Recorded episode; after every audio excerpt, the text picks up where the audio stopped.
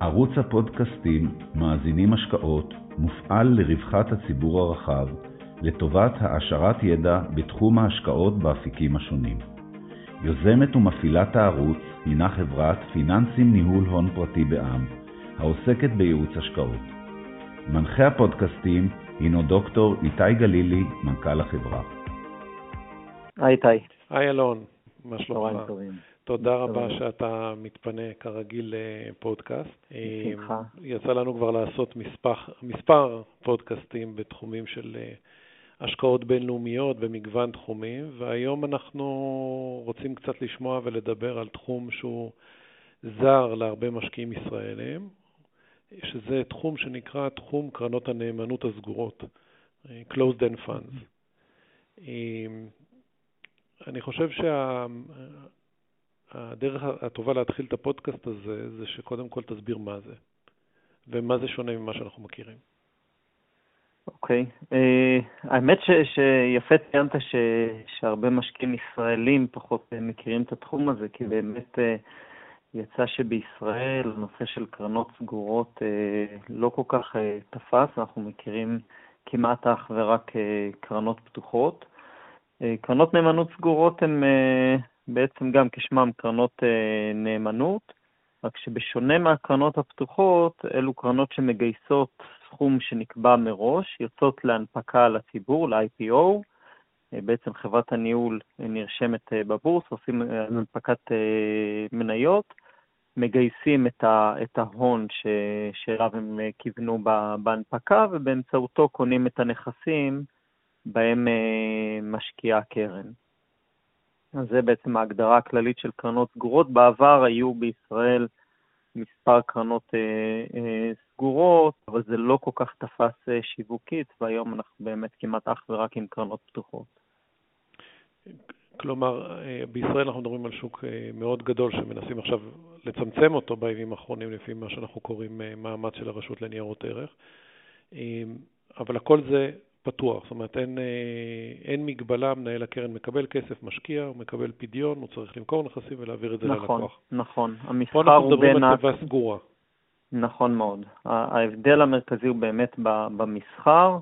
בקרנות נאמנות פתוחות בעצם המסחר הוא בין מחזיקי יחידות ההשתתפות לבין המנהל.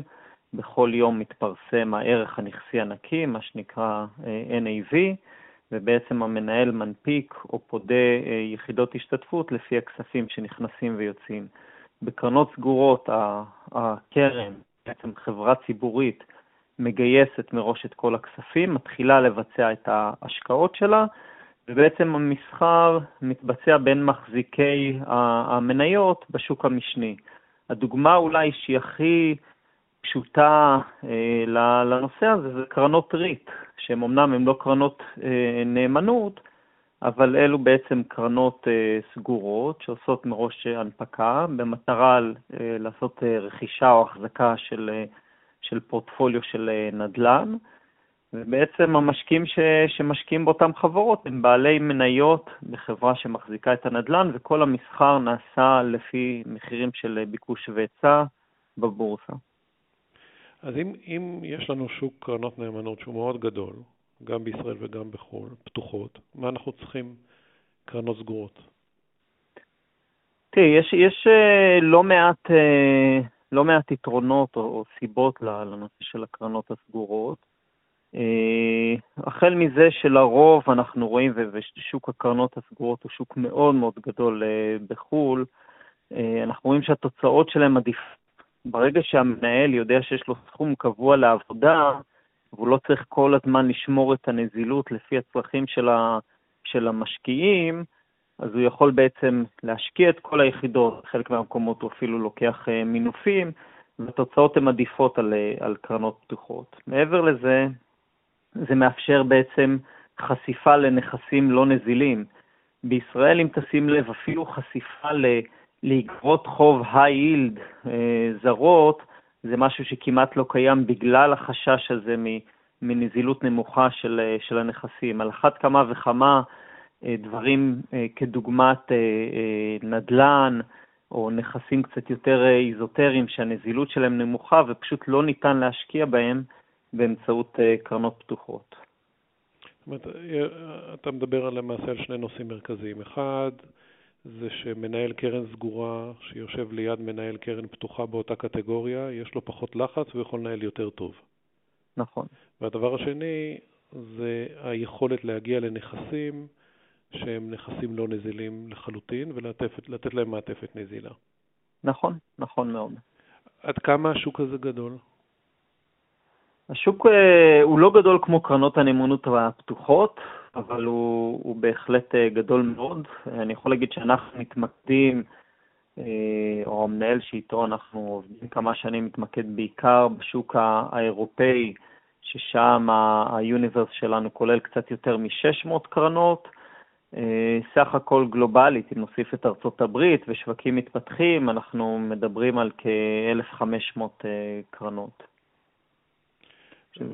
בהיקפים גדולים מאוד. וכמה סיגמנטים, זאת אומרת, איזה תחומים יש לנו של אה, השקעות? אה, המנעד הוא מאוד מאוד רחב, מאוד רחב, וכל הזמן נוצרים אה, תחומים נוספים. אז זה התחיל מהדברים הבסיסיים ביותר של קרנות שמחזיקות במניות, בעצם כמו חברות החזקה. הרי גם כשאתה קונה מניה של Berkshire Hathaway, אתה בעצם יש לך את כל החברות שנמצאות למטה. אז זה התחיל ממניות ואגרות חוב, והתקדם לדברים שהם קצת יותר אג"ח ב distress, private equity, יש הרבה מאוד חברות שהן חברות ציבוריות, קרנות ציבוריות בעצם, אה, הרבה מאוד קרנות גידור אה, שהנפיקו בעצם אה, את חברת הניהול, ובעצם יצרו ממש קרן, קרן סגורה, שבאמצעותה אתה יכול להיחשף לאסטרטגיה של אותה קרן גידור. אה, אנחנו רואים את זה הרבה ב commodities, וגם כל מיני דברים נישתיים. למשל, אה, הרבה מאוד משקיעים בישראל, כשהיה את ההייפ הגדול של המטבעות המבוזרים, אז השקיעו בקרן שנקראת אה, GBTC, שהיא בעצם קרן של ביטקוין, שזה נכס שמאוד קשה לך לקנות אותו ישירות, אבל באמצעות קרן נאמנות כזאת אתה יכול לקבל את החשיפה. ראינו השנה בכותרות על משקיעים רבים שהשקיעו אה, ב-USO, בקרן שנותנת לך חשיפה למחירי האנרגיה. אה, אז ככה המנעד הוא, הוא מאוד מאוד רחב. בוא נדבר על התהליך של המסחר בדבר הזה. למעשה קונים את, ה, את המניות האלה עם סימבול, וזה מייצר לנו איזשהו אה, רעש. שהמשקיעים שלמעשה קונים, הם קונים קרן, אבל עכשיו הם קונים אותה בשווי שהם מייחסים לשווי הקרן, לא בשווי הנכסי האמיתי. נכון. וזה, וזה מייצר לנו פערים. בוא תסביר קצת את הפערים האלה, איך זה עובד. כן. אה, מרבית המשקיעים בשוק הזה קונים את, אה, את הקרנות, בין אם זה בהנפקה ובין אם זה בשוק המשני, בגלל שהם רוצים חשיפה לנכס הבסיס. אה, נתתי מקודם מספר דוגמאות, אז למשל משקיעים רבים שרצו איזושהי חשיפה לתחום הנפט בגלל הנפילות לאחר, אה, אה, עקב משבר הקורונה, הירידות החזקות במחירי הנפט. הם רוצים חשיפה לסגן, ל asset class הזה, ופשוט קונים את זה באמצעות הנייר. אה, הרבה פעמים מבלי לבדוק או מבלי להבין שהנייר עצמו יכול להיסחר בשוק המשני בפרמיה או בדיסקאונט על המחיר של נכס הבסיס. כלומר, חשוב מאוד להבין שלקרן נאמנות סגורה או קרן סגורה, יש לה בעצם שני מחירים. יש את המחיר הבורסאי, שלפיו היא נסחרת, ויש את המחיר הנכסי. אם אתה לוקח את סך הנכסים של ההשקעות של הפלוס המזומן, מוריד את העלויות, איזשהו שווי לנכסים הללו, אה, והרבה פעמים אנחנו נמצא קרנות שנסחרות למשל בדיסקאונט מאוד עמוק על השווי הנכסי שלהם, וכאן טמונה הזדמנות מאוד גדולה. איך, אה, אה, להערכתך, שמשקיע ניגש, או שאתם ניגשים לבחור קרן סגורה כזאת שנסחרת בדיסקאונט, אז למעשה ההנחה היא שהדיסקאונט, מבחינה רציונלית, אם הוא נסחר בדיסקאונט, זה הערכה שהשוק מצפה שמנהל הקרן יעשה ביצועים שליליים לאורך שנים, אה, זאת אומרת, יכולת, הניהול, יכולת הניהול שלו היא שלילית. עד כמה אתה רואה את הדיסקאונטים בשוק באמת אה, אה, מייצגים את הדבר הזה? עד כמה הדיסקאונטים האלה הם, הם מוצדקים כלכלית לאורך השנים? אה, זו שאלה טובה. אנחנו באמת רואים הרבה קרנות סגורות שנסחרות בדיסקאונט, ולפעמים לוקח לדיסקאונט הזה המון שנים להיסגר, אם בכלל. לא תמיד זה, דרך אגב, בגלל ביצועים לא טובים של המנהל. לפעמים זה בגלל שיש איזשהו הרבה הייפ סביב נושא מסוים, ואז קרן מנפיקה מניות ויש הרבה מאוד התלהבות ואנשים קונים בפרמיה, ולאחר מכן פתאום יורדת אה, אותה התלהבות, ואז אה, משקיעים עוברים לאפיקים אחרים, ופשוט מחיר המניה בבורסה יורד יותר מהשווי הנכסי. אה, לפעמים יש איזה שהם חילוקי דעות לגבי מה השווי הנכסי. נגיד במניות זה מאוד מאוד פשוט, בנדל"ן יכולים, יכול להיות מצב שבו המשקיעים משערים שהערך הנכסי האחרון שהוצג לא משקף את, ה, את המצב האמיתי. אה, ולפעמים באמת יש בעיות אה, ניהוליות, יש אה, דירקטוריון שלא מתנהל, כמו בכל חברה ציבורית, שהדירקטוריון לא מתנהל בצורה תקינה, שהמנהל לא מתנהל בצורה תקינה, לא מספיק שקופים וכן הלאה. מה שאנחנו למשל מנסים לעשות זה באמת למצוא קרנות כאלה שיש להן דיסקאונט יחסית עמוק. אה, כשאני אומר יחסית עמוק, זה בדרך כלל מעל ל-20% דיסקאונט בין המחיר בשוק לבין הערך הנכסי, אבל הדבר הזה הוא לא מספיק, כי כאמור קרנות יכולות לרוץ לאורך זמן בדיסקאונט, אז צריך למצוא בנוסף לזה, האם יש איזשהו טריגר איזשהו אירוע, איזשהו שינוי, שבעקבותיו הדיסקאונט הזה ייסגר. אה, ותתפלא ש, שקיימים דיסקאונט, אה, שקיימים טריגרים כאלה אה, שמאוד מאוד ברורים ושכמעט לא ניתן להפר אותם. למשל, קרנות שיש להן מועד שבו נקבע שהקרן מגיעה לסוף חייה, ואז היא צריכה בעצם למכור בשוק את הנכסים ולהחזיר את הכסף למשקיעים.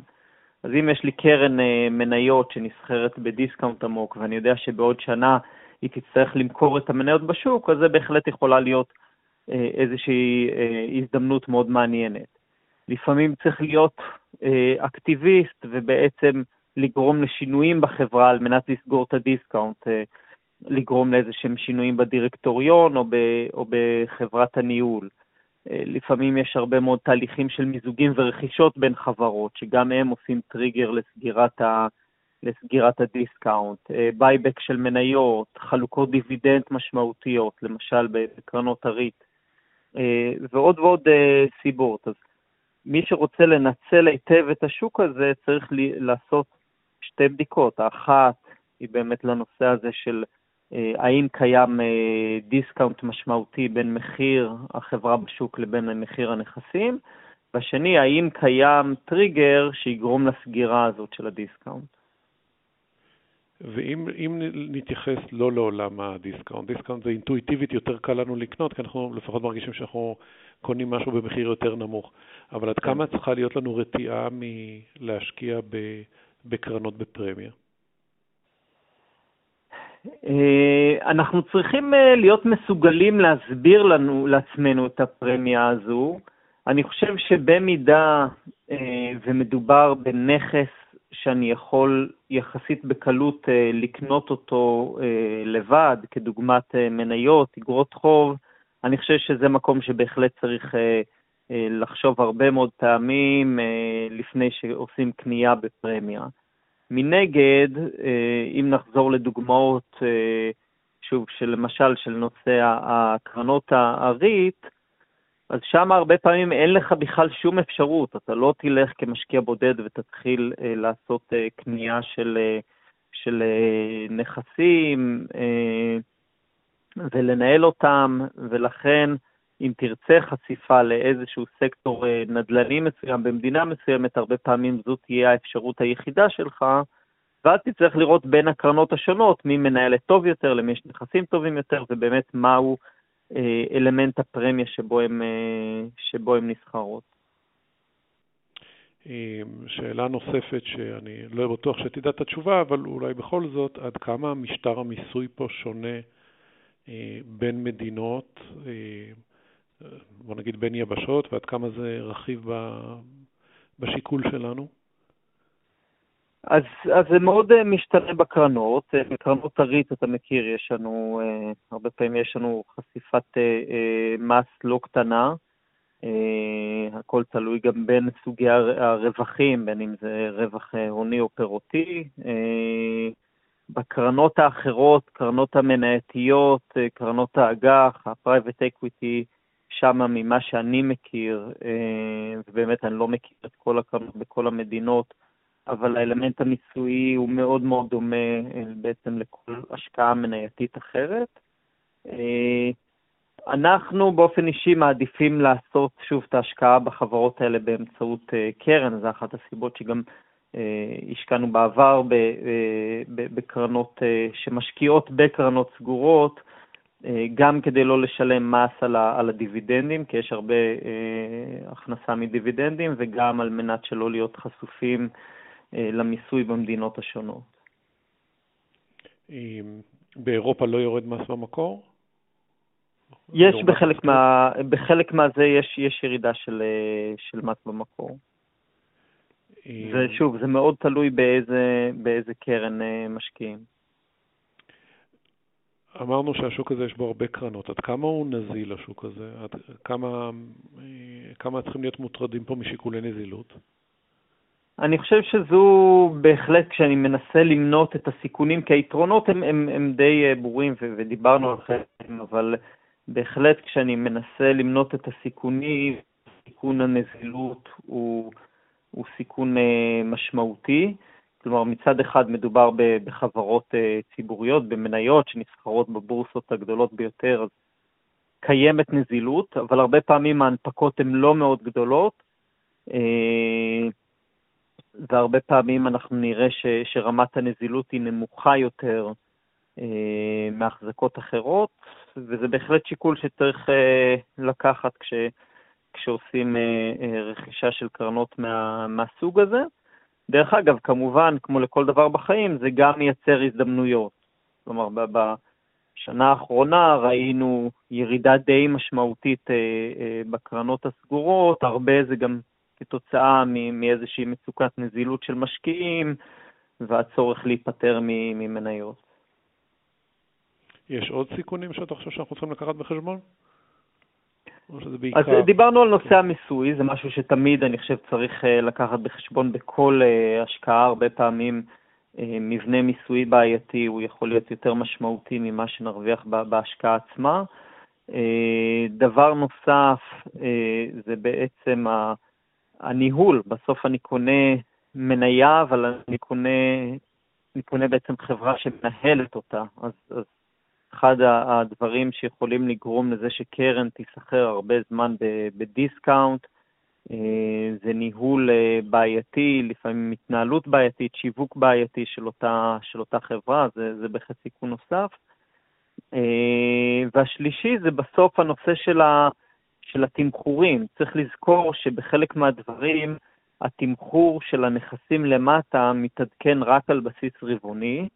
אה, למשל, בחלק מהקרנות של ה-Private Equity, חלק מקרנות הגידור, חלק מקרנות ה-REIT, הנכסים למטה לא עוברים שיערוך אה, יומיומי, ואני יכול לחשוב שאני קונה נכס בדיסקאונט אה, מאוד עמוק, כי אני מסתכל על מחיר הנייר ביחס למחיר הנכסים האחרון שהתפרסם, אבל בפועל המחיר האמיתי של הנכסים הוא כבר נמוך יותר.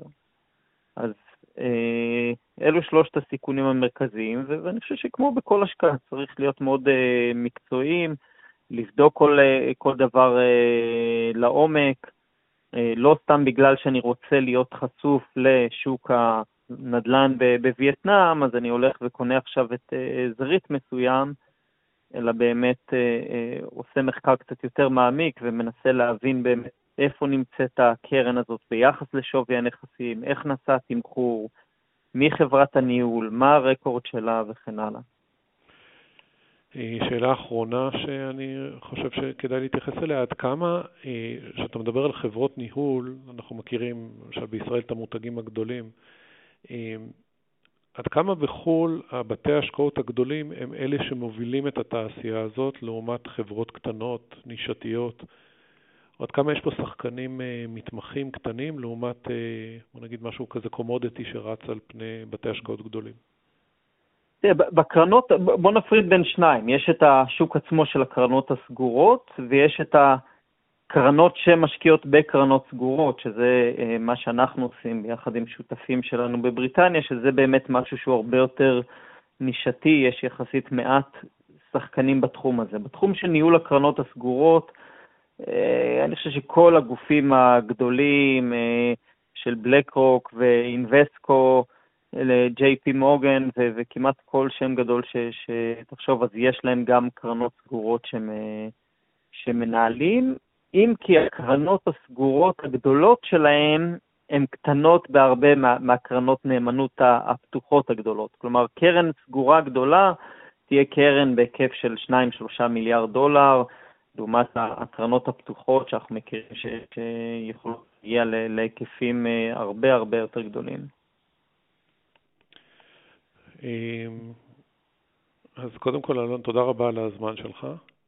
בשמחה. היה מאוד מעניין, ושיהיה לכם בהצלחה באסטרטגיה. אה, תודה רבה. תודה. אז אנחנו נהיה בקשר. תודה. להתראות. ביי ביי.